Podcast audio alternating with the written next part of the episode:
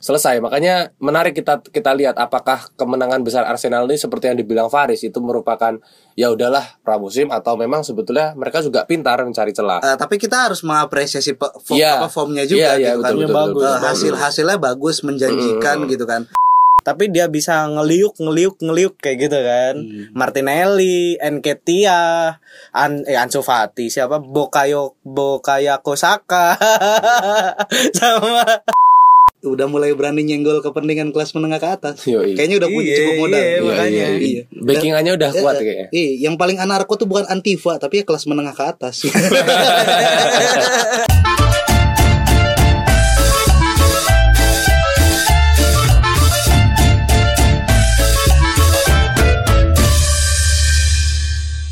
Alright, let's kembali lagi di podcast Oragol karena sepak bola bukan hanya tentang gol. Hari Yes, ini yes, masih yes. komplit kita bertiga. Ada saya Rehan Majid. Saya kelas Alfarisi. dan saya Johnny Giplet. Aduh. Oke, ada penyanyi juga malam ini tapi nggak Oh, apa. penyanyi. Johnny Giblat penyanyi bukan? Ketua Menteri Kominfo anjing. Oh iya. Ya, kok penyanyi? Ya kan dia penyanyi juga, Oh, ada po. menyanyikan keresahan. Bisa nggak? Bisa, boleh, boleh, boleh. Oke, oke. Oke, seminggu kemarin banyak banget update-update yang menarik eh, di baik di lini masa kita masing-masing. Sepertinya sedang keruh sekali, terutama para gamers, para streamer yang kemudian merasakan kepentingannya terusik gitu ya. Karena kan kita sejak lama kan ngerasa kayaknya gamers-gamers ini jarang bersuara gitu soal kondisi isu sosial dan segala macamnya. Tapi itu tidak berlaku untuk beberapa minggu kemarin ya, eh, seminggu kemarin lah. Setelah ada pemblokiran di situs Steam, ya. Ah, s- Terus ada pemblokiran di PayPal juga, Epic Games, Epic Games, Counter Strike, Counter Strike dan Dota. ya itu kan dalamnya Steam ya. Ah. Kan banyak gamenya gitu. dan gamenya juga keblokir pada akhirnya. Iya, ya karena situsnya diblokir, ketika kita masuk situsnya mungkin bisa, tapi pas main gamenya nggak bisa, gitu. Jadi Hmm. IP-nya atau apanya mungkin di udah diblok sama Kominfo gitu ya. Tapi di saat yang sama, ketika Kominfo gencar memblokir situs-situs gaming di Indonesia, banyak juga situs-situs judi, kemudian situs-situs porno, ya kan, terus kemudian masih sering ada platform streaming ilegal. ya macam-macam lah. Ya kalau Ah. platform streaming ilegal kan kita juga terbantu yang itu ya. Oh enggak sih. Oh enggak ya? Kita platform streaming Twitter, Oh iya Twitter. ya lah shoot. Ya, bukan di saat bukan web. Jadi di saat yang sama ketika banyak pemblokiran ini masih banyak hal-hal yang nggak penting justru dibiarkan oleh Kominfo dengan berbagai alasan gitu. Eh, yang penting daftar. Entah Hmm. itu apa namanya? eh, webnya baik atau buruk, yang penting daftar dulu gitu. Iya, itu iya, sepenangkapanku kayak gitu. Mm-mm. Dari Kominfo. Kalau kamu gimana Riz nanggepin soal gunjang ganjing isu ini? Aku sebagai kelas menengah yang tidak berpentingan soal itu tadi tidak ada keresahan ya. Jadi Tidak relate. sekarang kayaknya isu sosial tuh berdasarkan keresahan kelas kepentingan aja gitu kayak. Ini ini menengah banget loh. Ya, iya, tapi kan saya nggak ada nggak ada kepentingan apa-apa Oh, dari nggak pakai blokir. PayPal. Iya, nggak nggak ada kepentingan apa-apa. Jadi Eh, ya udah FM itu diblokir anjir. FM 22. FM Iya. 2021 enggak. Masih bisa. Oh, Tapi kan kalau kau update kedua-dua nggak bisa. Nggak bisa. Eh, kan ini sama aja lu ada kepentingan lu yang Nggak ada. diblokir oleh Kominfo. Sejauh ini sih masih belum nggak ada. Ya kalau nggak ada biarin aja, ada. jangan dipaksa Ya, aja ya, sih. ya, ya. tapi tapi kalau- ya, tapi ya. emang kadang eh, beberapa kemarin di eh, story WA aku ya Ush. itu maksudku eh, dia itu jengkel terhadap kominfo padahal dia pun jauh atas hal itu gitu Siapa namanya itu? ya Oh, usah ya? Iya, maksudnya Iya kan? dia nggak pakai PayPal lalu juga bukan gamers dan lain sebagainya gitu tapi itu mungkin sebagai bentuk keresahan kayak gitu kan kok kominfo ini nggak malah meningkatkan eh, kecepatan internet kayak gitu loh. Tapi malah kayak membatasi banyak hal yang ada di internet kayak gitu. Padahal kan kalau dari teman-teman gamers kan bilang ketika kita beli game di Steam itu kita juga udah bayar pajak loh gitu. Jadi Steam itu legal Ya gitu. termasuk jadi harga yang di kita bayarkan untuk berlangganan eh, platform itu tuh udah termasuk harga pajak kan gitu Iya kan? betul. Ya. dan itu penyumbang eh lumayan banyak gitu di apalagi ketika pandemi kemarin kayak gitu. Bahkan aku kemarin ngeliatin di Twitter tuh ada salah satu tim e-sport namanya tim Secret itu bahkan ikut mengkritik Kominfo gitu dan banyak mendapatkan banyak retweet dan like yang aku malah ngelihatnya semakin banyak orang yang kemudian punya perspektif macam-macam nih soal Kominfo yang jelas intinya itu merugikan.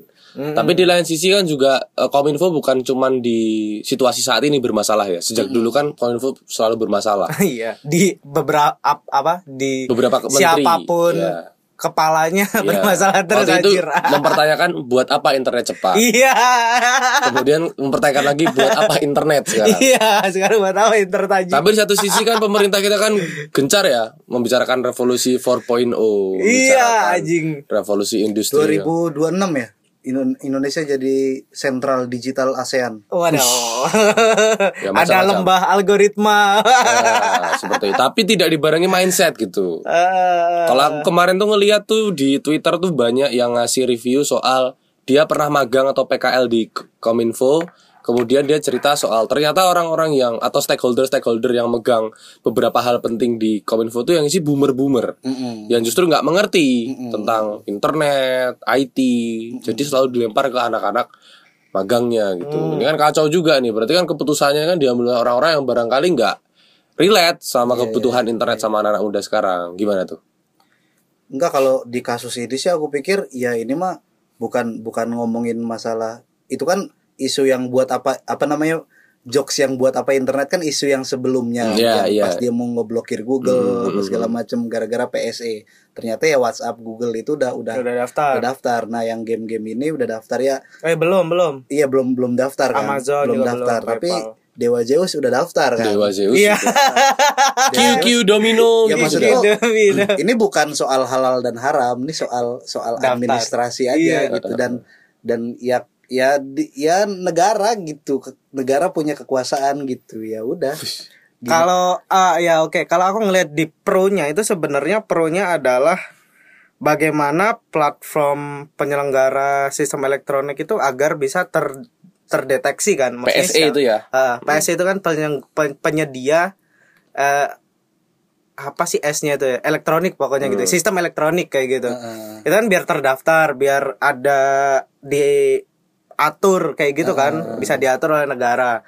Tapi sayangnya yang di ini sebenarnya udah kayak kemarin udah kita bahas dikit ya. Tapi sebenarnya yang eh, dikontrakan itu adalah dasar dari PSI sendiri undang-undangnya kayak gitu Oke. itu itu yang di dibilang sama eh SafeNet lalu bilang ah, lalu mereka juga mengkampanyekan tagar PSE pelanggar HAM apa ya di Twitter itu juga gara-gara itu karena undang-undang ITE no- nomor eh, peraturan Kominfo nomor eh, tahun 2021 pokoknya itu bilang bahwa eh, tujuan dari PSE itu selain mengatur PSE itu sendiri dan agar tidak tercipta eh agar terciptanya ketertiban umum. Nah, ma eh, majas atau istilah ketertiban umum itu kan karet banget. Iya, frasa ketertiban umum itu kan karet banget. Dan dan itu yang ayo ini gimana nih beberapa LSM eh, di bidang eh, safety eh, bersa eh, apa berseluncur di dunia maya itu bilang ini apa ketertiban umum? Apa pembungkaman? Kayak gitu kayak gitu. Tapi karena iya, karena iya, kalau kayak misal PSE kayak WhatsApp dia daftar PSE ketika misal ada orang yang benar-benar dicari negara lewat WhatsApp itu pihak WhatsApp itu mau nggak mau harus memberikan Data. data ke mereka. Walaupun sebenarnya polisi udah bisa ya. Kayak gitu peretasan tuh bisa. Tapi kan itu dengan eh, pihak Situasi- ketiga. situasi tertentu juga kan. pihak ketiga gitu. Tapi ini langsung dari pihak pertama gitu. Ayo berikan data orang ini orang ini yang ku cari. Kayak gitu. Itu kan juga menyalahi eh, keamanan data diri toh. Kayak Tapi- gitu. tapi btw ini ya se- sekarang negara menurutku keren ya. Kenapa tuh? Udah mulai udah mulai berani nyenggol kepentingan kelas menengah ke atas Yoi. kayaknya udah punya Iya, cukup modal iya, makanya. iya. Backingannya udah kuat Eh, kayaknya. Iya, yang paling anarko tuh bukan antifa tapi ya kelas menengah ke atas. yang paling tidak percaya eksistensi negara itu ya mereka-mereka yang pemasukannya dolar Iya. gitu. dolar dolar dolar bukan dolar Amerika Iya, dolar Singapura Dolar. Iya. Ya itulah pemasukan-pemasukan yang dari luar kemarin kan juga web kominfo juga sempat kena hack kan kena hack kayak gitu lalu Iya, iya. selalu diperbaikin setelah itu uh, ada kejadian apa ya ya soal kayak narasi di narasi TV itu yang mengungkap bahwa uh, webnya Kominfo yang dibangun dengan 980-an miliar itu Hmm. itu menggunakan uh, PSE eh, PSE yang belum terdaftar kayak gitu. Kayak dari Amazon, dari berbagai hal kayak gitu loh. Hmm. Dan ini kan juga tanda tanya lah, gimana Kominfo aja beberapa add-onsnya atau ext- extension di webnya itu kok make PS yang belum terdaftar nih. Nah, kayak gitu itu. Problematik ya. Oh, langsung juga ada pro kontra. Kenapa judi online boleh, tapi yang game online nggak boleh ya? kayak Steam. gitu. Steam, Steam, Steam. game Steam. Berarti Steam itu kayak berarti kita apre- apresiasi ini ya, lebih apa namanya? Menurutku ya, aku lebih mengapresiasi judi slot Dewa Zeus kayak secara Dia- dia administrasi tertib. Iya. secara administrasi tertib, tertib gitu. Ah. Sama-sama us, berus apa membangun usaha gitu. Iya. Tapi Dewa Zeus tertib, tertib administrasi. Dia ngikutin prosedur dari awal.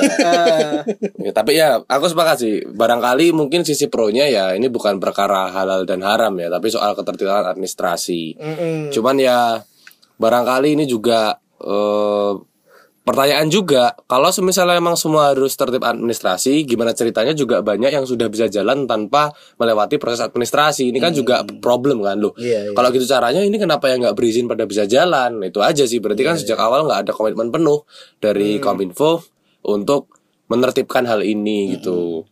ya se- di samping pemegang jabatannya juga kayaknya banyak ya blunder sih gitu. Iya. Blunder. Banyak-banyak ini ya, Nih Pak. Kak, kalau misalnya dengerin ya. kok kesannya saya tidak ya selain tidak mempermasalahkan karena nggak punya kepentingan Iya, tapi iya, iya. tapi ya ya emang apa namanya ya udah gitu emang Eh. pejabatnya juga blunder juga pas diwawancara sama satu TV apa Oh iya videonya iya, banyak iya tuh. lihat. Ya penjelasannya aja ngalor ngidul juga nganggap judi slot game katanya. Eh. tidak ini. Nggak tidak pakai uang, duit, nggak ada pakai duit. Eh tapi kalau misal Google yang diblokir gimana, Riz? Ya susah sih. Nanti misalkan ada ada ini kan. Iya. Berita Nah, itu kita itu terdampak ke- kan. kepentingan semua orang. Iya. Ini kepentingan semua orang gitu. Aku yakin juga di pemerintahan pasti kan juga mungkin pakai Google Drive ya. Eh, kan? Iya, mereka. Bakal sulit kalau itu ya. Dan Kalau pakai Google- signal. Kalau- Google diblokir itu nggak akan ada lagi bintang-bintang di Semeru itu. Soalnya ini Google itu daya tawarnya cukup kuat ya. Jadi Pasti. mungkin kalau mau ngeblokir Google mikir dua kali. Iya, iya. Tapi yang yang yang juga perlu kita perhatikan adalah dampak dari situasi kemarin itu menjalar ke mana-mana. Aku di Twitter juga lihat ada digital abusive juga ternyata yang terjadi.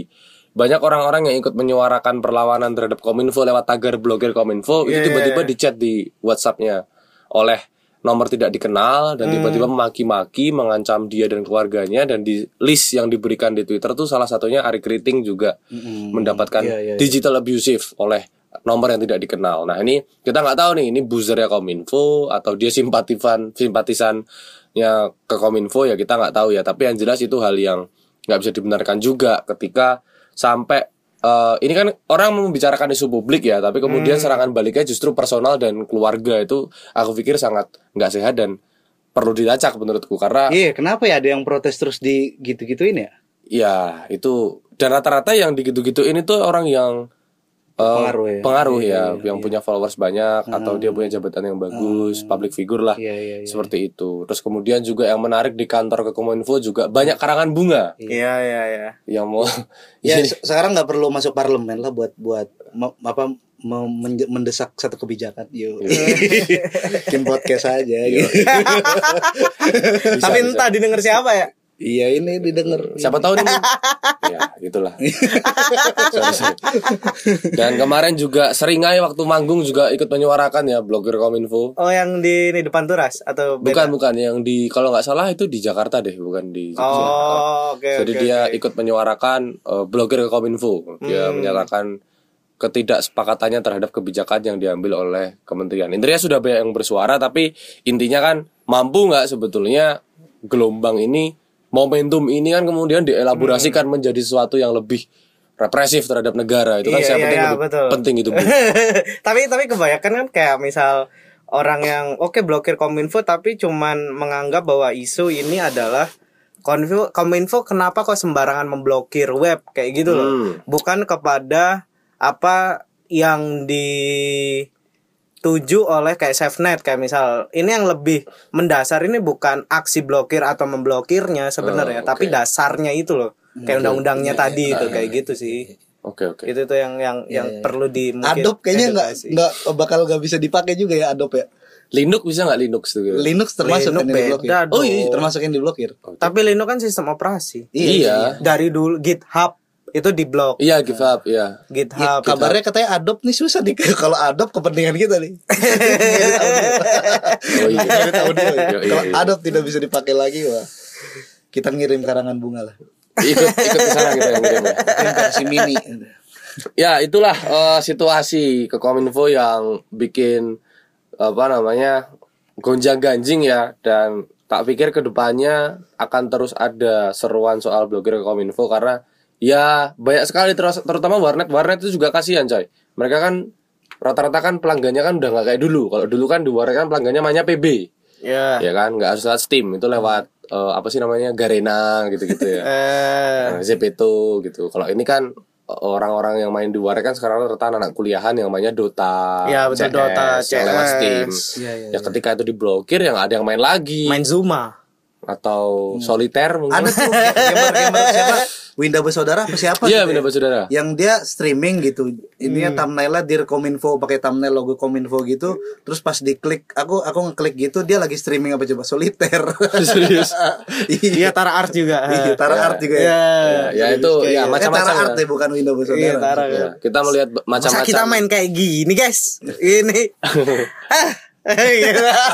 Ya itu macam-macam ya berarti ada berbagai bentuk protes ya ada yang mengirimkan karangan bunga ada yang menyuruhkan di atas panggung ada yang main soliter ya Eh, Konten kreator yang yang dia kerja di media sosial sih yang paling iya iya benar benar benar Nah, yang yang dia ada uangnya, udah ada uangnya. Mhm. Iya, tapi kalau yang belum ada uangnya tapi udah protes-protes, fokus aja dulu lah mengembangkan diri gitu ya. Fokus mengembangkan Berat. diri gitu, artikulasi bagus. Sebelum anda punya PayPal M Banking introspeksi ya ini. Jangan coba-coba tuh ngeklik learn more itu ya di, di PayPal gitu. learn more itu.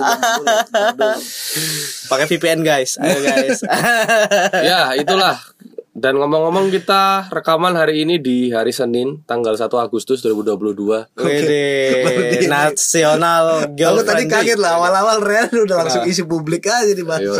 Ya karena kan lagi panas. Relate Ya, uh, kita ya, tapi itu tuh kita udah masuk Karena kan bulan dana umat kadang juga dari PayPal kan. Waduh. Waduh. Berat. Bagus.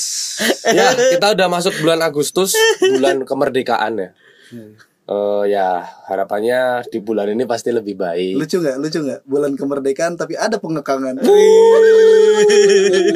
ya itu dia di bulan Agustus justru ketika kita harusnya semakin apa namanya bisa membayangkan soal kemerdekaan justru makin banyak pengekangan itu Hmm. sesuatu yang cukup amazing ya menyambut di awal bulan Agustus Ya kalau PayPal dilarang tapi pupuk murah sih kayaknya biasa aja lah. Tapi mungkin kita langsung masuk ke sepak bola aja ya karena ya ke kominfo kan ya nantilah itu biar teman-teman kalau kata Faris yang relate itu yang bersuara kita karena Ya, fokusnya di sini murah ya apa-apa. kita fokus Yang artikulasi penting dulu streamingan Twitter gampang gak? Nah, mungkin problem-problem sedemikian rupa tidak dirasakan di Inggris ya, karena mungkin Inggris sudah lebih maju dan mungkin nggak apple to apple. Anjing jauh Apalagi ya, Liverpool. Nah, Liverpool lagi seneng-senengnya nih, karena mereka mengawali musim dengan sebuah trofi yaitu Arcitai. Community Shield, ya kan. Jadi kemarin Liverpool berhasil mengalahkan tahu gak sih? Gak tahu ya.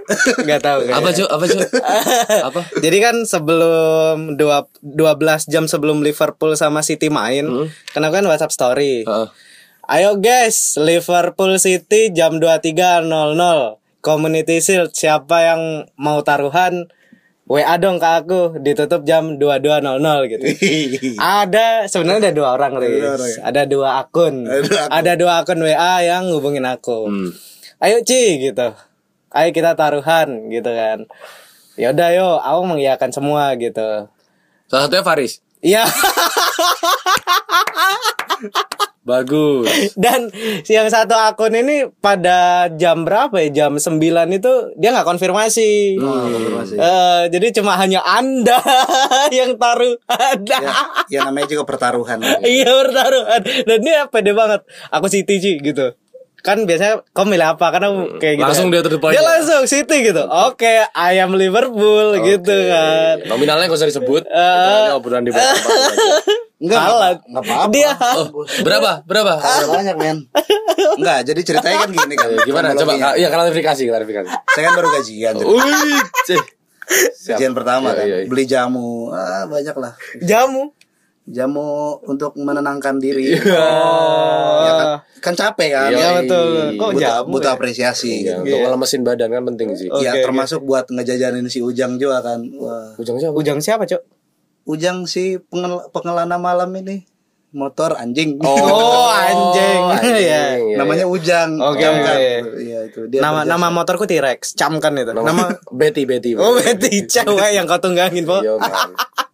Iya si Ujang itu aku jajanin Iya, banyak iya. lah banyak dan sekarang sudah lumayan sehat kan ya udah mulai oh Apa? sebagai Eh. sebagai kelas menengah gitu kan udah mulai hitung hitungan belum macam ini terus termasuk yang tak pikirin tuh lah wah aku sekarang sudah punya sudah punya apa namanya Penghasilan. penghasilan eh, reguler gitu kan dan mudah-mudahan ini Hmm. yang nggak nggak ya bakal bertahan lama gitu kan Hmm. kayak gini karena ya belum ada visi ke mana lagi gitu Hmm. Nah kepikiran juga nih, wah saya juga punya utang kan. Ya beberapa ke kawan-kawan saya gitu. Beberapa sudah dibayar, beberapa rencananya mau bulan depan. Gitu. Iya, iya. Hmm. Salah satunya kan, aku kan punya utang sama Archie juga kan. Ya. Utang sama Archie. Lihat ada taruhan nih, wah. utang itu. Oh. Ci, pegang situ Ci. Siapa Kalau tahu. saya menang utang saya lunas gitu. Eh, Oke. Kalau saya kalah berarti dua kali lipat ya. Iya aku bilang gitu Jadi berapa nilai taruhannya itu? 270 270 kak.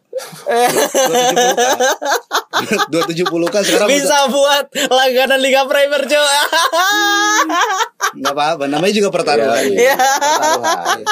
ya ya ya ma- langsung masuk aja nih ke ngomongin apa namanya ngomongin liga apa kompetisi Ah, Kalau jadi di- ah, hmm. jadi kemarin Liverpool menang 3-1 Enggak enggak lawan oke oke. Ke- Liverpool menang 3-1 Aku pengen tahu sebenarnya Kenapa kok tiba-tiba jagoin City Dengan PD-nya nggak Di atas ada. kertas. aku nggak baca apa-apa. Aku nggak Oke. aku nggak baca artikel apa segala macam cuman ngelihat dari hasil pramusimnya kedua klub aja kan. Dan Ah, dan PD PD asumsi kosong gitu loh ngelihat ngelihat apa namanya prediksi start- starting line up-nya gitu kan. Ya, ya, ya. ah. wah kipernya Adrian nih. Iya Anjing ya mainnya jelek banget kemarin. Enggak bagus malah justru tuh. menurutku Oh, malah enggak bagus enggak bisa nangkep dia.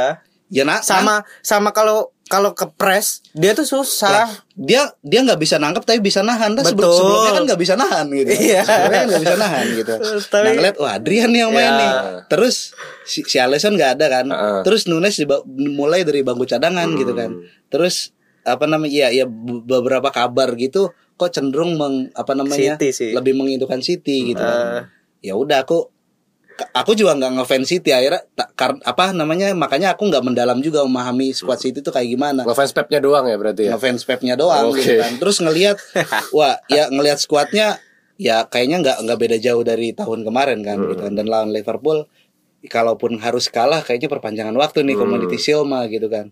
Ya udah, ya tanpa pikir panjang akhirnya aja gitu kan. Ya i- iseng-iseng berhadiah nyelot nyelot.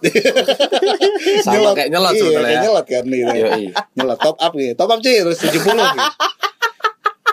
Kalah bangsat. gitu. Berakhir biru. Tapi aku nggak nonton. Aku nggak nonton. Kok nggak nonton? beneran. Tapi mantau di live score. Enggak juga, tidur aku. Kan besoknya masuk pagi, Cuk. Oh Bangun tidur agak puyeng dikit ya. Yang enggak juga karena Oh, karena aku mikirnya ya karena aku mikirnya bakal dapat duit dan itu pasti kebayar juga. Kecuali taruhannya nilainya Ya, tiga digit apa empat digit gitu gitu kan ya. ya. Aku mikir-mikir juga kalau kalau itu mah kan ini ini. Oke lah. Ya. Soalnya kalau kalau menang juga ini gitu kan. Aku aku bakal dapat untung gede kan. Angin gak ada hujan tiba-tiba utang push gitu kan. Tapi ternyata takdir berkata lain gitu kan. Dewa Zeus. Dewa Zeus ya tapi meskipun ya ada cerita duka dari Kerapia ya. di Liverpool tetap bahagia ya karena di kemenangan 3-1 itu tidak hanya memberikan trofi apa namanya Community Shield tapi ini juga merupakan trofi Community Shield pertama Liverpool sejak musim 2006-2007. Nah, itu juga Sejak tuh musimnya Benitez. track record, Yes. track record juga tuh soalnya. Iya sih karena City juga beberapa apa tahun kebelakangan juga menang ya di situ. Dan selain itu, Pep, eh, sorry, eh, Jurgen Klopp juga telah memenangi semua gelar top tier bersama Liverpool. Ya kan udah udah pernah merasakan semua gelar juara top tier bersama Liverpool kecuali yang Liga kasta-kasta Eropa. kedua ya gitu-gitu. Meskipun waktu itu pernah kalah di final ya Betul. sama Sevilla. Dan pada pertandingan itu eh, tidak dihelat di Wembley, tapi dihelatnya di King Power Stadium, Hmm. markasnya Leicester City. Dan gol dibuka oleh Trent Alexander-Arnold, kemudian sempat disamakan kedudukannya oleh Julian Alvarez, dan kemudian diselesaikan pertandingannya lewat dua gol masing-masing oleh Mohamed Salah dan Darwin Nunes. Darwin Nunes. Dan selain itu ternyata yang menarik justru adalah Erling Haaland nih. Erling Haaland gagal mengeksekusi bola muntah di depan gawang. kalian nonton berdua ya? Nonton, Aku nonton, nonton, nonton, aku. nonton. Aku Kok pak- kebangun. Eh tunggu dulu. Kok pakai video nggak? Pakai. Pakai ya. Oh berarti kenapa kok? Aku kebangun pas Dua udah berarti satu kita. sama mata kiap-kiap gitu pas coba pengen ngebuka video kok nggak bisa Iya. aku tinggal, tidur lagi gitu. Tapi Gimana tadi deh pertandingannya? ba- yang bagian soal eh, Erling Haaland itu ada sebuah momen di mana waktu itu udah ketinggalan 3-1 City dan ada kesempatan ya buat dari Haaland untuk setidaknya memperkecil defisit gol dari 3-2. Hmm. Tapi peluang emas itu yang expected golnya mungkin besar banget Iya, itu ya. Karena bola muntah di depan gawang justru tidak berbuah gol dan ekspresinya Haaland menarik banget ya. Dia cengengesan, senyum kayak dia menyadari kayak bangsa, Iya, bangsa dan bangsat, kayaknya habis ini disayur bener nih di media Eh. sosial. Dan kemudian akhirnya banyak asumsi tuh apakah Haaland justru bakal flop setelah sebelumnya yang bakal diisukan flop adalah Nunes, Nunes, gitu. gitu. Tapi apakah juga Nunes dengan golnya ke gawang City juga membuat dia sah dinyatakan tidak akan flop gitu. Tapi menurut kalian gimana, Riz, soal hal itu? Ya yang pasti Halan di akhir bulan ini lebih lebih jelek daripada Astu Asnawi Mangku Alam ya. Waduh, udah dua gol ya. Lagu Lasnawi. Iya iya ya ya skornya gitu. Maksudnya skala skalanya kita persempit gitu kan. Akhir bulan Juli gitu kan. Halan versus Asnawi. Oh bukan Nunes ya? Enggak, As- Oke. Asnawi Mangku Alam lebih bagus gitu. lebih bagus, lebih bagus gitu kan. Bahkan presentasinya mungkin sampai bagus 200% gitu. Karena kan skalanya pendek kan, cuma akhir bulan doang. Asnawi 2 gol gitu kan. Dan Asnawi juga bukan striker. nol gol iya Haaland nol gitu kan itu aja karena aku nggak nonton pertandingannya jadi komentarku itu doang sih Oke. dan kalau ya tetap melihat kan kekagetan pagi hari gitu. Iya. wajeng gitu kan. Utang bertambah. Lihat dong statistiknya dong lihat statistiknya. Wih, bagus juga nih gitu kan. Seperti biasa ya kayak apa namanya aku aku nggak nonton pertandingannya tapi aku nonton pertandingan PSM lawan Bali United. Hmm. aku sih merasa nggak tahu ya nanti kalian kalian coba membandingkan gitu kan. PSM menang ya? itu itu kayak per, kayak, kayak pertandingannya PSM lawan Bali nggak sih? Yang mana klub yang kalah itu justru yang dominan menguasai posisi apa sirkulasi bola gitu kan. Oke. Sementara kalau aku ngelihat gol-golnya Liverpool pun itu ya lahir dari pertama apa lahir pertama dari serangan balik semua gitu. Placingnya si Alexander Arnold itu juga bukan dari skema yang apa namanya Liverpool megang lebih dari dua menit bola gitu untuk boil up itu skema serangan balik terus yang keduanya itu penalti, ya Penalti, salah. keduanya penalti salah gitu kan karena ininya penaltinya bener dong. iya Oh, iya salah. he- he- ya penaltinya yang nyetak gol salah bangsat tonjok nih emosi dah gue Mau salah, mau salah. iya mau salah itu ngegolin ininya handnya Ruben Dias ya Iya. Handnya Ruben Handnya Dias. Ruben Dias terus yang terakhir itu ya serangan balik juga Ya. serangan baliknya apa namanya dan digolin sama Darwin Nunez itu kan ya itu sih komentarku gitu doang. Kalau gue sendiri gimana sih? Kan nonton tuh. Nonton ya aku aku sebenarnya ini kalau eh, ngelihat dari kayak possession pasti City bakal menguasai pasti itu. Tapi Liverpool itu nggak jomplang banget. Kayak dalam arti bisalah eh, lima eh, lima puluh satu empat sembilan gitu. Aku lihat di babak pertama dan setelah satu sama itu kayak gitu. Tapi ketika mah satu kosong di babak kedua awal itu City emang bener-bener ngerasain kayak gitu kan. Apalagi setelah ditarik Grealish sama satunya lagi itu Mahrez. Mahrez Ya, ganti enggak. Foden sama Eh, sama Alvarez. Alvarez yang mereka emang roamingnya emang bener-bener bagus sih karena eh tapi aku ngelihatnya eh, ini problem Guardiola lagi eh, Guardiola lagi mungkin ya Bus. dia nggak nggak bisa main dengan target man bukan nggak bisa ya untuk sampai saat ini tuh belum bisa Oke, iya sih aku juga ngeliat kayak gitu. itu sih, ha. Halan itu beberapa kali eh nggak match linknya itu nggak match matching nggak match itu sama De Bruyne Iya. dan Mahrez sama Grealish dia nggak nggak match nggak matching banget lah kayak gitu loh. Hmm. Maksudnya ketika misal itu harusnya udah eh, umpan lambung terobosan, tapi Kevin De Bruyne masih ngirim ke kiri misal ke Grealish kayak gitu. Grealishnya baru mau tapi udah ketutup kayak gitu loh. Atau Halanya kayak gitu. Aku malah ngelihatnya kalau dari statistik ya itu malah salah pemain ya malah justru. Soalnya dia creating chance banyak gitu. Artinya kan kalau creating apa namanya Hmm. menciptakan peluangnya banyak artinya kan bukan salah pelatih. Pelatih Oke. udah menjalankan sistem yang sesuai apa dengan dengan menghasilkan peluang yang cukup banyak tinggal si pemain itu bisa apa mencetak gol atau enggak gitu kan. Masalah finishing Masalah ya. masalahnya kan Ah. ada di nggak mereka nggak bisa mencetak gol tapi tapi di eh, ah, buktinya di akhir-akhir ya Halan di di momen-momen dia harusnya itu itu makanan dia banget lah Iya, gitu kan iya. makanan dia banget tapi dia nggak bisa cetak gol artinya permasalahannya justru ya lebih Finishing banyak ya. di di pemain ya daripada pelatihnya Tapi kalau aku ngeliat kayak misal sepera, eh, seberapa banyak peluang tercipta sama tercipta eh, peluang besar apa ya? Nah, City tuh cuma punya peluang besar cuma satu, Halan itu doang. Dan itu nggak gol kayak gitu. Liverpool itu lebih apa syuting beberapa kali yang ditahan sama Adrian itu nggak menurutku nggak bukan bukan peluang besar itu. enggak kalau kalau pemain on fire menurutku it- se- pemain apa namanya tim sekelas City bisa me- Harusnya bisa bisa sih, bisa iya kayak gitu. Atau jangan-jangan Adrian yang on fire?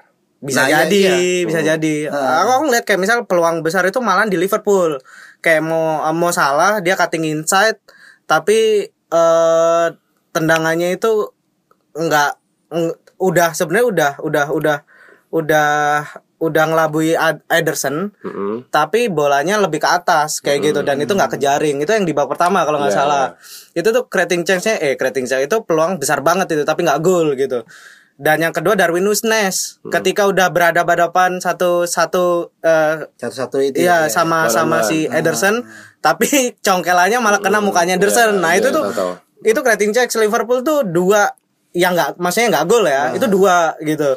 Iya, iya. Lalu Oh, iya, iya. yang City Cuman- yang iya, creating checks gede banget itu yang Halan itu. skemanya kayak dari gitu. serangan balik gitu mereka nunggu gitu kan Mm-mm, mereka mm. nunggu ya peluang besar itu dihasilkan dari serangan balik artinya Iya, iya. kalau misalkan City berhasil apa namanya mereka on fire berhasil menyelesaikan skema dominan dengan gol kan nggak nggak mungkin terjadi tuh skema apa namanya skema serangan balik itu gitu jadi menurutku Hmm. ya kesalahan tetap terjadi di pemainnya City gitu. Iya. Dan ah dan aku kemarin juga ngeliat kayak apa ya kayak kayak De Bruyne itu kan sebelum diganti tuh kayak Kesel pas gitu itu ya. serangan balik kalau nggak salah serangan balik.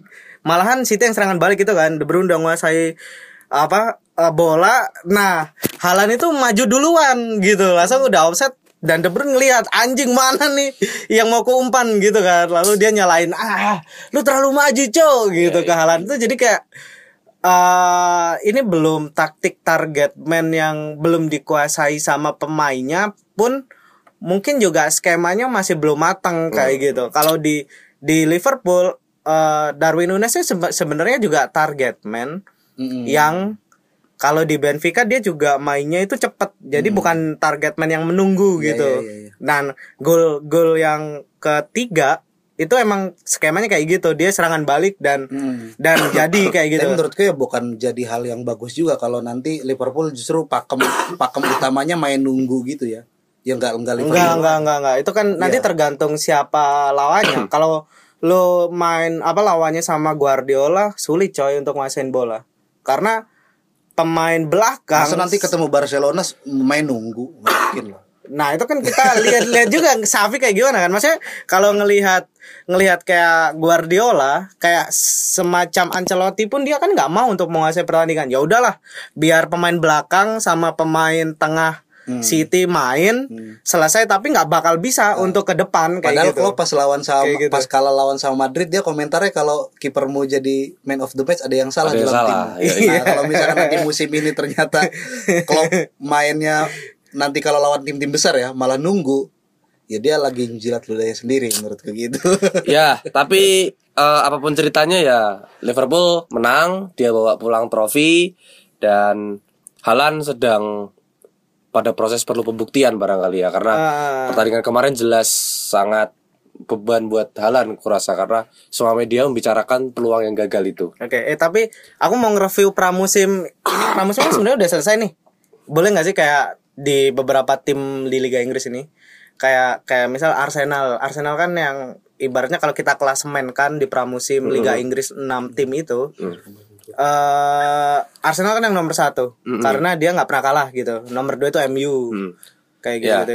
Oke, tuh itu bagus itu masuk dengan bahasan soal kita coba menerawang ya kesempatan Arsenal di musim depan. Nggak Hmm. usah juara deh, tapi kira-kira bagaimana melihat eh, progresivitas permainan Arsenal dari musim lalu karena eh, dari kebijakan transfernya kita bisa lihat Mikel Arteta udah memboyong dua pemain asal City, ada Gabjes Sama dan ada Zinchenko. Zinchenko, si Cengeng. Hah, kok sih cengeng? Nangis terus kalau konferensi pers. Iya. Apa, ya, negaranya diserang kasihan. Iya, kan ada konteksnya anjing Iya, ya. kalau Maguwo dibombardir di zaman Iya. dulu juga aku nangis lah. Iya, iya, betul sekali makanya nggak boleh nyinyir ya. Iya anjing.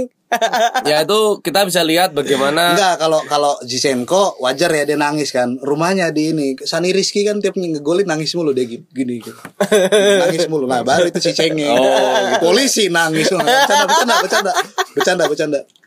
Ya, eh tapi kebijakan transfer Arteta bukan tanpa alasan ya. Arteta barangkali menemukan shape eh, kepelatihannya ketika jadi asistennya Pep di City ya, sehingga dia juga punya pembacaan yang matang soal karakteristik pemain-pemain City. Dan ini barangkali juga bisa kita lihat sebagai ya mungkin Arsenal fondasi permainannya juga barangkali banyak mengadopsi dari bagaimana City bekerja gitu ya. Karena nggak mungkin ketika seorang pelatih mengambil dua pemain yang sama Dari klub yang sama. dari klub yang sama dan ketika dia juga masih menjabat di klub sebelumnya itu pasti punya korelasi dengan bagaimana eh, Arsenal dalam hal ini akan eh, diskemakan permainannya. Hmm. Hmm, terlepas dari hasil apa namanya eh, pramusimnya, kalau menurutmu gimana sih eh, Arsenal ke depan? Karena kau yang paling ya. gencar nih ngomongin Arsenal. eh yang menurutku bakal menarik di musim depan itu kan se- ya setiap tahun adalah evolusinya bagaimana evolusi taktik dari Klopp sama Guardiola kayak gitu kan. Dan musim ini tuh yang menarik s- MU sama Arsenal malahan. Kemarin Bagaimana Arsenal sama Barcelona. kan maksudnya ini di di di Premier League. Oh, di Premier League. Di Premier League oke, kayak gitu.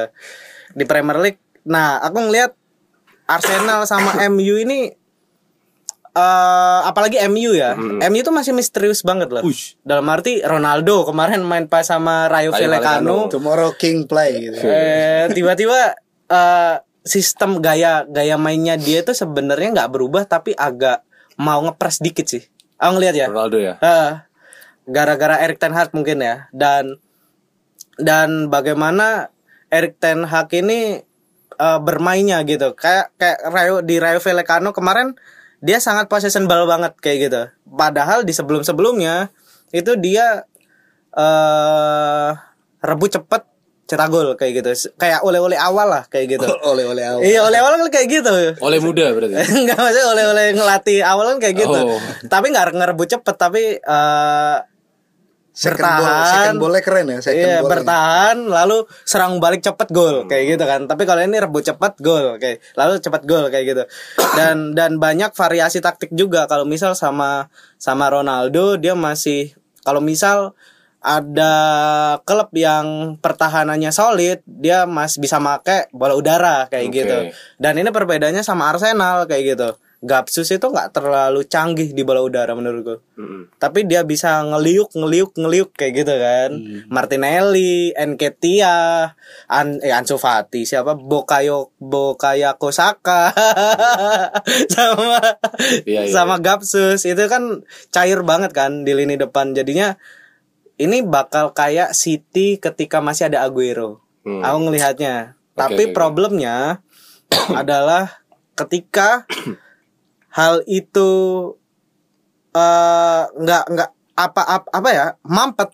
Kayak misal likuiditas di lini depan mampet. City kan dulu masih punya kayak Gundogan atau pemain gelandang gelandang tengah yang dia bisa masuk yang gitu. gelandang gelundung.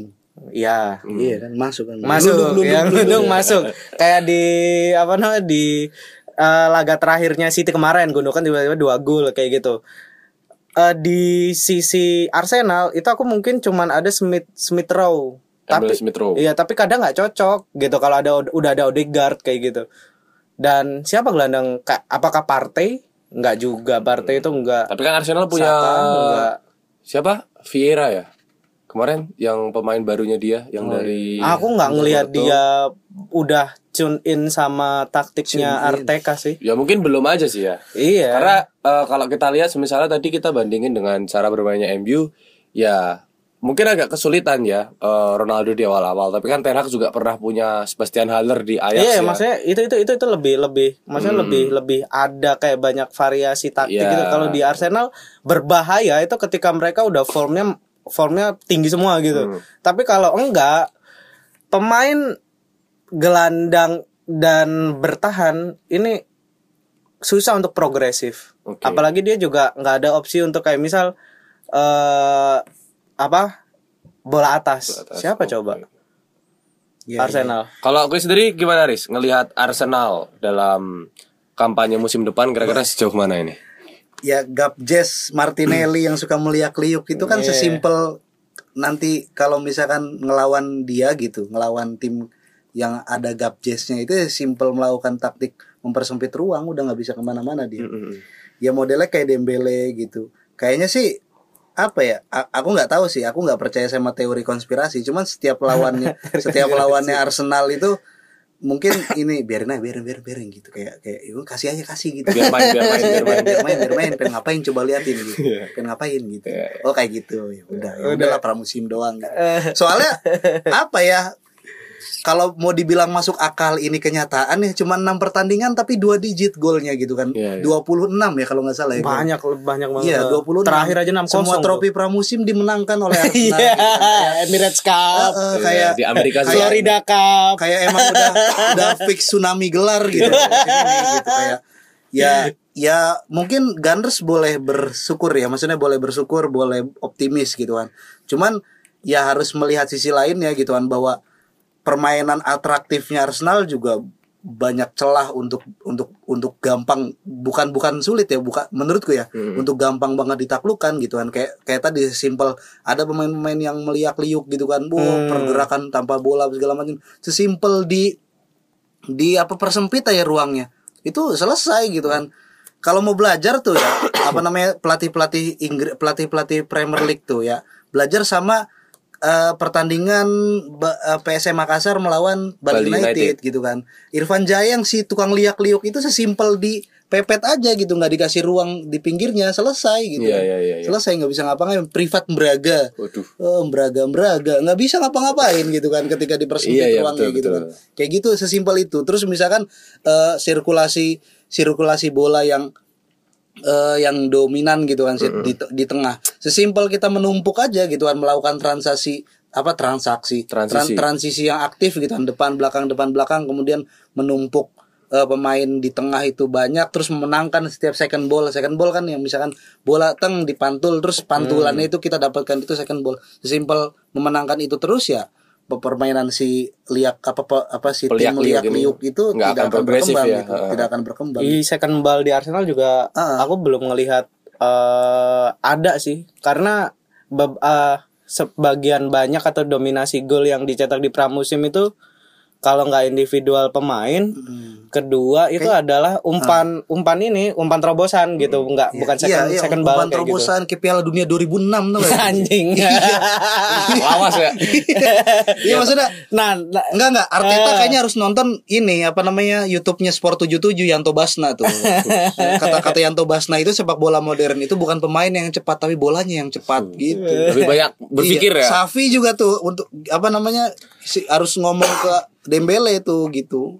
Nggak usah banyak bat, nggak usah banyak liak-liuk gitu. Lu pengen To pengen the bikin point aja ya kan. Ah, lu pengen bikin diri lu cedera kan gitu kan pramusim ini gitu kan. biar nanti Istirahat. mata istirahat kan gitu gak usah bayar ini lah gitu. Ya, karena pada akhirnya juga semeliak liuknya pemain tadi kan pada akhirnya kan mereka membuka ruang dan butuh bola ya, butuh sirkulasi bola yang aktif gitu dan ketika itu ditutup ya selesai. Makanya menarik kita kita lihat apakah kemenangan besar Arsenal ini seperti yang dibilang Faris itu merupakan ya udahlah pramusim atau memang sebetulnya mereka juga pintar mencari celah. Eh, tapi kita harus mengapresiasi pe- form, Iya. apa formnya juga Iya, iya, gitu kan. betul, betul, betul, betul. hasil hasilnya bagus menjanjikan gitu kan. Tapi ya tadi evaluasinya juga banyak gitu. Iya, ya yang yang aku suka sebetulnya Arsenal sebetulnya mulai sedikit-sedikit merema apa? Meremajakan squadnya ya. Dalam Pasti, artian pasti. kemarin uh, Aubameyang udah out. Terus kemudian Alexander Lacazette pulang ke Lyon. Ya beberapa pemain-pemain yang menahun di Arsenal sudah pada keluar. Menang. Iya kan? Bellerin balik tuh tua. ya kalau Bellerin kan emang waktu itu kan sempat nggak dapat space di tim ya. Tapi kan pemain-pemain kayak bahkan sebelumnya Ozil dan lain sebagainya kan udah lebih duluan cabut ya. Dan sekarang diisi oleh pemain-pemain muda di Young Gunners ini kita lihat ke depan seperti apa ya tapi seenggaknya tetap tidak akan di atas Manchester United Waduh. itu prediksi saya nah kemudian juga Pe, taruhan nggak semusim nih. Kamu yang utang sama dia? Iya. nanti dulu nanti dulu nanti dulu STNK motor ya. Kalau taruhan tuh gitu, jangan tanggung-tanggung. Gitu. kalian yang bombastis ya. Tapi kemarin juga ada berita cukup menggembirakan barangkali ya. Oragol berkesempatan menjadi media partner dari acaranya Campus Boys ya. Mm-mm. Yang mana di gelar bicara itu menghadirkan eh, Zen RS Yoi. dalam acara RS selalu bicara. Mas Ada- Tonggos Iya. sama satunya Omut siapa gitu lupa. Oke. Ombud Nazari. Ah, maaf maaf aku lupa itu siapa. Pokoknya dia tuh Ayo, Cik, semangat sih. eh, apa namanya eh, eh, mantan pemain profesional Persitara gitu lah. Hmm. Sama kayak Oki Rengga berarti. Oh, enggak, zamannya Ya kan beda. mantan pemain profesional Iya. juga. Iya iya iya, kira enggak. Nah, intinya- Sama-sama berke- berkarir sebagai pembicara kan sekarang kan. Oh, dia di supporter kan? Kalau Oki kan bu- bukan supporter. Iya kan sama-sama berbicara juga kan. Ya, Satu. ya, ya. Sini kau, sini kau gitu-gitu. Eh, Nah, eh Oragol berkesempatan hadir di waktu itu digelar di Tilasawa Coffee ya. Ah, dan Tilawasa. banyak Tilawasa apa Tilasawa? Tilawasa. Oke, Tilawasa. Dan saat itu kami mendelegasikan Archie Arfian yang akan juga bertanggung jawab penuh dalam pembahasan ini. Apa Ci? Apa Jadi gimana Ci ceritanya Ci? Apa Ci? Jadi saya ke sana pas jam 7 ya. Sidik ada nggak Sidik? Sidik. Sidik nggak ada. Enggak ada. Tapi aku ngedenger suaranya. Maksudnya suara pesanan kan, pesanan kopi gitu. Kopi atas nama Mas Sidik gitu. Nah, langsung ku cari nih. Mana Sidik? Tapi nggak kayaknya nggak muncul deh. Bukan Sidik itu. Sidik kentungan kali. Iya. Sidik cangkringan. Iya. Oragol kan sidik nologaten. Iya, sidik ini. kentungan. Sidik BCS orang mutir. Wah. Iya, gimana ceritanya itu Ci? Jadi ya sesuai tema sih sebenarnya. Kan dipandu oleh Alip juga eh, temenmu soccer fan itu kan, Iya, iya. football fan. Fun football. Eh fan football gitu. Nah, eh Muka Yoko Saka gimana tadi? Enggak, lanjut. lanjut dulu. jadi emang ngomongin PSS yang dulu, kini dan masa depan kan gitu kan. Oke.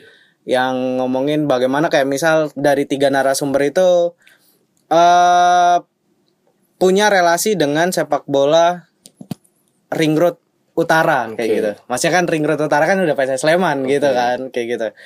Nah itu mereka ngomongin pengalaman mereka masing-masing kayak gitulah dan itu personal bagi mereka-mereka kayak gitu.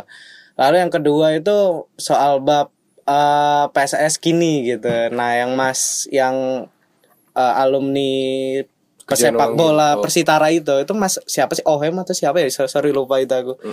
Nah dia ngomong bahwa eh kronologi sih secara kronologis bagaimana kericuhan tentang Arthur yang kemarin lah gitu. Yang dari dari siapa? Pelatihnya itu? Dejan, langsung menaikkan tagar Dejan out. Arthur out. lalu setelah itu itu ya itu yang terakhir tuh. Dejan out lalu Marco out. Marco, Marco, itu manajernya iya, iya. kayak gitu. Lalu setelah itu Arthur Arthur out. Ternyata keputusan kalau kata Mas itu keputusan dari Marco itu sepenuhnya di steer oleh si Arthur ini kayak Oke. gitu.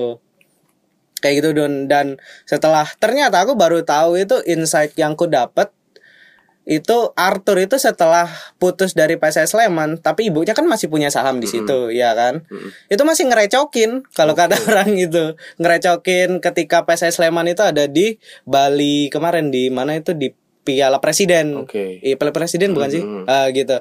Kayak katanya sih ya eh Arthur itu menyogok wasit agar PSS itu Kalah. sulit ah, ah, kayak gitulah Oh, serius gitu tuh. serius lah itu dikatakan orang oleh orang itu nggak tahu ya nar- sumbernya dari mana kayak gitu itu tuh waduh Arthur udah cabut tapi tetap ngerecokin ya orang ini gitu Karena ibu masih di situ mungkin masih punya power ya. iya ya Oke. dan tapi itu eh, dia tuh nyuap itu nyuap ke wasit loh gitu Iya. Itu emang kayaknya dia udah benci banget sama PSS tuh. sama, Sama BCS. supporternya sih Iya, sama sama BCS-nya kayak gitu kan. Lalu setelah itu eh dan yang kini itu kayak si Mas Tonggos itu juga bilang bahwa eh sebagai supporter atau penikmat bola PSS di di ring road utara itu ke utara dan di selatan Gunung Merapi PS, PSS Sleman, seenggaknya itu banyak hal yang bisa dieksplorasi gitu dari supporter bukan oh, bukan untuk nyanyi chance doang gitu tapi banyak banyak media yang bisa dieksplor yuk gitu.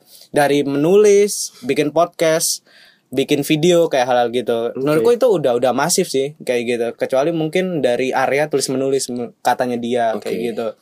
Lalu si Mas Zen ini dia sebenarnya kan outsider ya dia ya Oke. bukan di dalam PSS kayak gitu kan dia lebih banyak ngomongin persib malahan Iya, PR. gitu kan Ngap- Dia yang tuh- ngomongin yang deket aja lah. Eh, dia tuh malahan bilang bahwa eh kampus boys itu sebenarnya punya banyak hal yang bisa dieksperimenkan kayak gitu. eh Oke kalau dia kan bilang kalau sebagai se- kalian supporter eh di tribun itu sebenarnya udah selesai kayak gitu. Kalian punya chan yang bagus, punya koreografi yang bagus kayak gitu. Tapi ya cuman hanya akan di tribun Oke. gitu.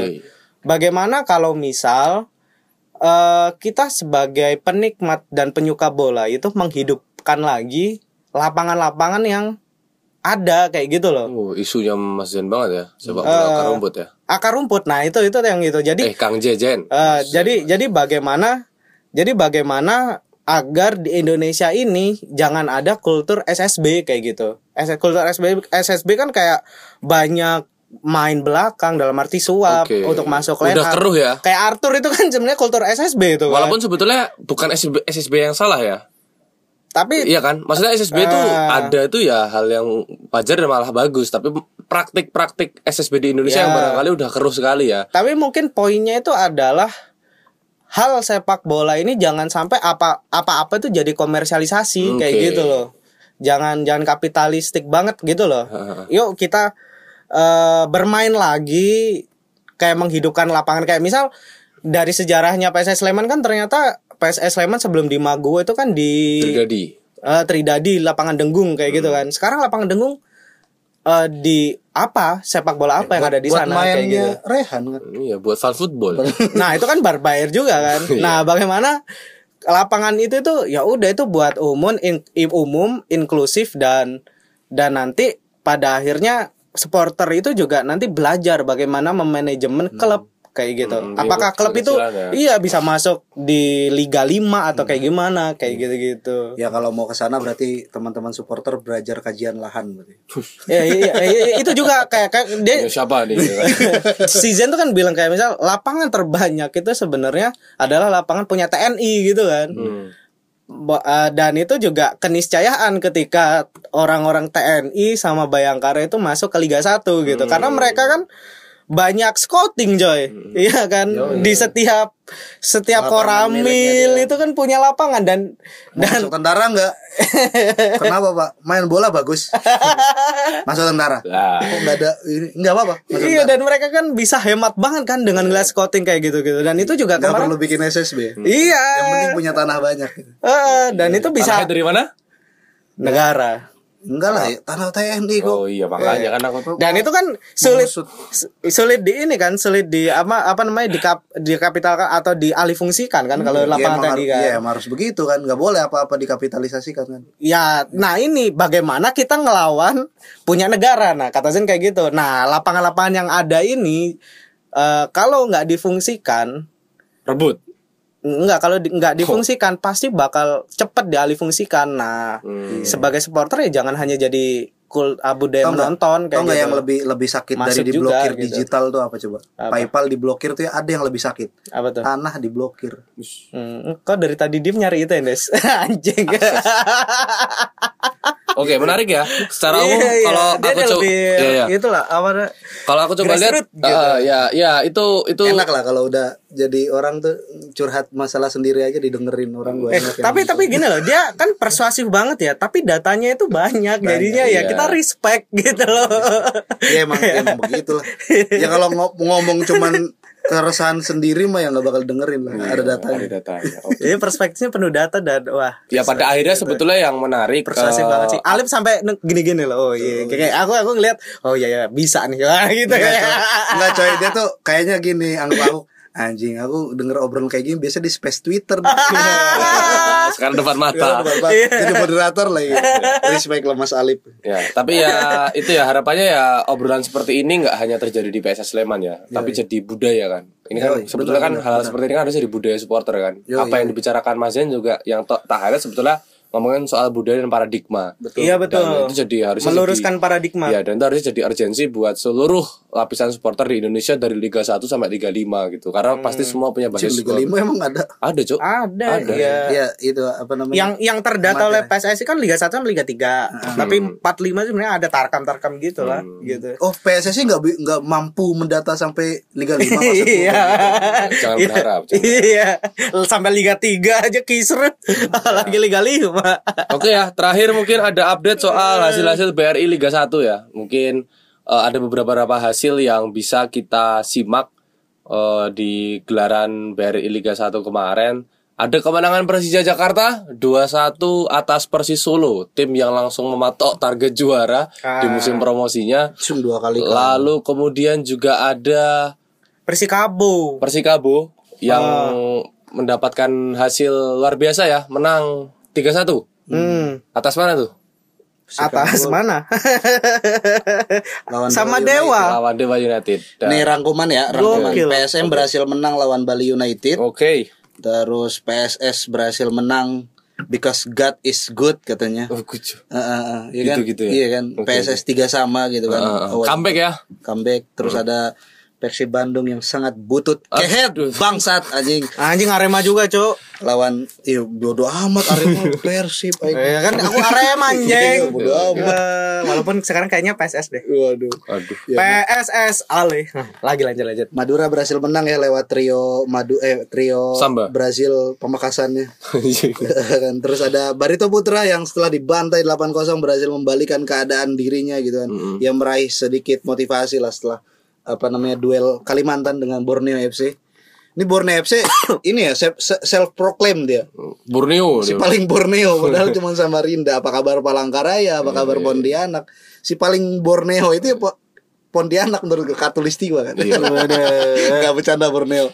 Ya itulah apa tapi berhasil kalah gitu. Kekalahan keduanya juga Aduh. eh, setelah di awal apa namanya di pertandingan pertama itu kalah sama Arema. Mm-mm. Di pertandingan kedua kembali kalah Aduh. lawan Barito Putra kemudian juga ada PSIS yang kalah lawan Arema Arema yang menang cow bukan PSIS Yang di Liga ya kan? mana kue kue mah ngelihat ini hasil Piala Presiden ya kalah lah eh menang lah ya menang ya Enggak, yang minggu kemarin, Cuk. 3-0 kalah sama Borneo. itu itu pertandingan pertama Ya. ini kan kita lagi update pertandingan kedua kedua. Anjing yang di share nih pertandingan kedua pertandingan pertama, Cuk. Kedua. Ini yang kau share. Kedua. Ini kelas mainnya masih enggak lagi pula lagi pula kalau Nih. misalkan enggak main cuma satu kali semua. enggak lagi pula kalau misalkan enggak di share tugas kita kan update Iya, karena aku update Yeah. di luar negara. Eh, eh, eh. Ya, melihat liu. Jangan gaslighting kelas menengah. Ada Bayangkara yang kembali satu sama ya lawan Persi Kediri. Terus Persija berhasil memainkan per- apa per- apa kemenangan pertamanya lawan Persi Solo. Eh, golnya itu Hanover ya gacor ya. Halo Berens. Gitu tuh beli pemain tuh yang bisa ngegolin gitu. Terus jangan kayak Persi Solo ya. Iya. Kalah pertama gitu langsung dibuang pemainnya. Langsung ada pemain baru lagi kalah lagi. Lu Susah. Persib Bandung degradasi ya? Terus ada Persibaya yang lagi main nih kita lagi, Lagi main rekaman. nih. Eh, kita pas Lawan mana? Lagi main Persita. Tangerang. Oke. Menang 1-0 sih di menit 41. Persita udah kartu merah satu. Eh, cuman kalau misalnya dari apa namanya dari eh, pekan kedua ini, aku ngelihat aku kayaknya di hari apa sih hari Jumat kayaknya nonton semua, Sabtu nonton semua, yang Minggu doang nih nggak nonton. Nah di pertandingan per- pertandingan di per- pertama nih di pekan kedua dia ada PSM lawan Bali justru yang gak disorot gitu ya nggak disorot. Ah. PSM ini underrated gitu. Underrated. Padahal dia salah wakil terakhir Indonesia di teras AFC Cup. Indonesia di AFC ya PSM Makassar gitu dan secara ta- secara taktik gituan eh apa ya kemarin kan aku ini kan apa namanya membangga banggakan sepak bola pragmatisnya Stefano Kugura kan lawan Persija. Kan. mana nih sepak bola Jerman? Kalah juga nih lah sepak bola pragmatis. Tapi ternyata ya itulah jeleknya sepak bola pragmatis gitu kan. Kalau menang menang culas gitu kan. Ah. kalau kalah memalukan menurutku. dan dan itu kejadian ketika mereka berhasil dialahkan gitu kan. 2-0 melawan PSM Makassar gitu kan. Itu PSM Makassar ya ampun. Gimana namanya?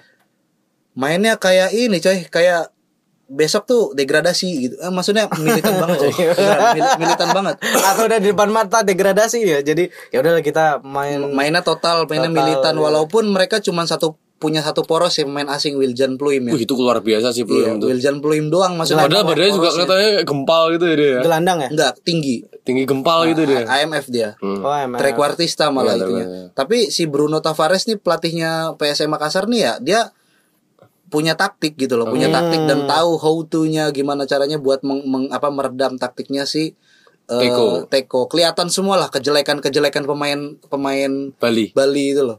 Keburukan-keburukannya kayak misal eh bukan keburukan ya kekurangan ya. Ini kasar Iya, iya, banget aku. Ya kekurangan kayak misalkan eh si komentator tuh sampai bilang mungkin ini yang menjadi alasan Sinta yang tidak memanggil apa namanya Spasoyevic gitu ya. Dia striker terlalu nunggu gitu kan. Bener-bener harus dilayani. Ah, sementara eh sayapnya ketika wah anjing ini ini kayaknya di- dipelajari sama pelatih-pelatih klub-klub lain ya ketika ketika PSM Makassar berhasil naklukin bener-bener gimana caranya dua dua sayapnya Bali United yang selama satu musim atau bahkan mereka berhasil back to back kayaknya jasanya sayap ya. Nah, di pertandingan itu tuh sayap itu Mati. mati gitu kan. Kayak nggak dijual lah sayap itu, cuman ada paha atas sama dada bawah. gitu. Iya. Iya, Oke, beli sayap nggak ada, nggak ada sayap gitu. Kosong. Sudah berhasil diredam sayap. gitu jadi. Bagus. Itu PSM Makassar ya. Terus kalau Persi Bandung ya, wah, Aduh.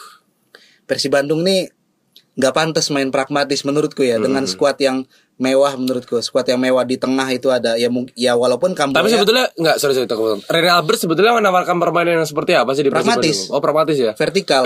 Mereka apa namanya? Apa namanya? Si Persib ini cuman yang katanya build up tuh cuman sampai setengah lapangan daerah mereka doang. Pas Default formasinya berapa Persib tuh? 4-3-3. 4-3-3. Hmm, 4-3-3 cuman eh se- tidak seperti 4-3-3 yang punya visi jelas gitu loh. Vertikal mereka ngebangun serangan itu dari apa namanya? dari belakang sampai tengah itu Saya Mark Locke. sampai ba- bahkan Mark Locke itu malah ditaruh di depan kan nggak nggak jelas ya ini oh, pelat- IMF. ini pelatih Belandanya Belanda mana sih gitu gitu Nggak, ya, ya kan katanya kemarin pas pramusim main ke Ajax Amsterdam gitu kan kok mainnya kayak Duh kayak apa ya gitu. Nggak, ini ya, ini ini gitu lah. Komentarku adalah Persib dengan skuadnya saat ini gitu kan. Dengan tri apa ada Rahmat Irianto Ricky iya, Kambuaya Kambuaya. Mark Locke gitu kan. Terus ada Kakang men- maksudnya secara ke kelihayan taktik gitu kan. Kebiasaan mereka punya gitu loh untuk bangun serangan de- memainkan per- permainan dengan pattern yang jelas itu mereka bisa. Secara materinya materi timnas ya materi timnas gitu kan. Eh arti apa akhir ya menurutku mereka apa namanya Persib ini hari ini nggak nggak nggak pantas main pragmatis main Oke. vertikal gitu gitu mereka bisa main-main dominan artinya bukan dominan ini ya dominan menguasai bola gitu kan bener-bener mikir Iya, gitu loh iya, iya. mikir untuk untuk menusuk nggak langsung vertikal langsung Iya, iya. ada konsep yang bisa Oh, oh, oh, diterapkan dengan materi yang sedemikian rupa kan iya gitu. iya iya malah nggak nggak apa namanya nggak pragmatis pragmatis di di sini mak- maksudku adalah ya bola nggak disirkulasikan cuman langsung diumpan jauh aja gitu kan ke prat spread sprot sama si Erwin Gerung itu kan Heeh. Iya. Erwin Gerung kan kalau kalau kalau lari kan ngegerung Ngung, gitu kayak kayak kayak motor dipaksa ngegasnya gitu kan Kalau Robi Darwis. nah Robi Darwis itu Wis. Enggak newbie Darwis Oh. dia newbie Darwis Lain kan enggak enggak. Kalau Robi Gerung kan rung gitu. Kalau Di- Robi Darwis. newbie Darwis Ya, Newbie Darwis ya gimana? enggak semuanya ada analogian motor kali Wis Iya. gitu. Enggak wis juga.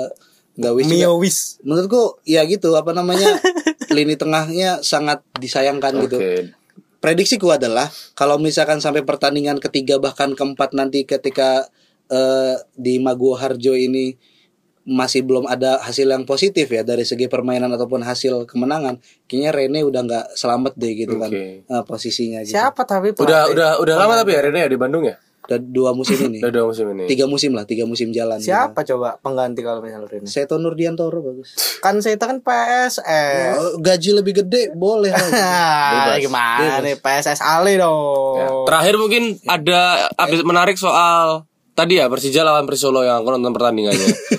Dan eh, yang menarik lagi yang kemarin juga aku sebut namanya yaitu Syahrian Abimanyu ya.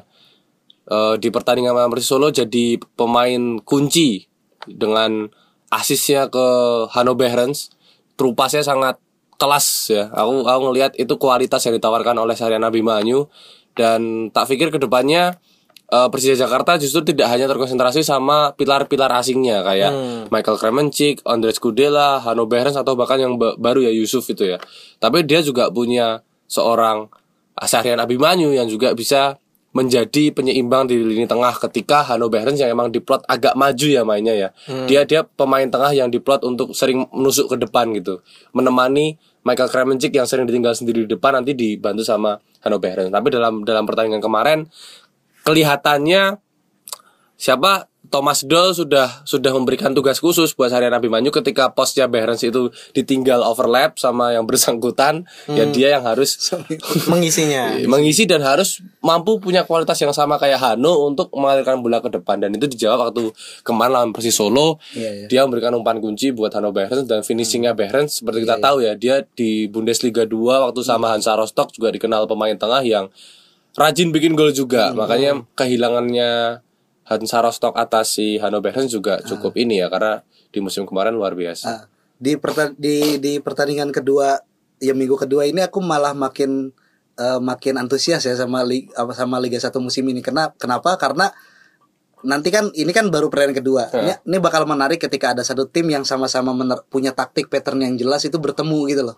oke Ini PSM lawan Persija. Emang ada, emang ada. Ya Yang Persija Persija sama PSM menurutku. Ini ini ini bakal bakal bakal menarik. Menarik. Daripada kita nontonin ya tadi Ba- Bali lawan Dawa lawan PSM yang mungkin menarik ya secara materi, secara permainan gitu kan. Tapi ngomongin ke pattern permainannya itu yang satu pragmatis, yang satu pakai taktik. Ini kita bakal bangga banget ketika yang pakai taktik itu ini apa namanya mengalahkan habis gitu loh si si pa- apa namanya para pragmatis ini. para pragmatis ini gitu kan. Udah jangan pragmatis lah main bola tuh. Kalau kerja boleh gitu kan.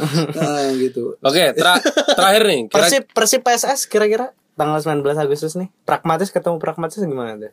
Kalau di pertandingan ketiga seri lagi ya harus pragmatis lah menang lah. Iyalah. oke Aku ngeliat klasemen Liga 1 apa namanya pekan kedua nih kebalik loh dari apa namanya prediksi banyak orang sebelum liga loh. Malahan kayak Persikabo peringkat 3, Cok. Gitu. Madura peringkat satu gitu. Eh, Persib yang udah digadang-gadang malah didegradasi Wah, gitu. digedang-gedang ya, Iya. gedang.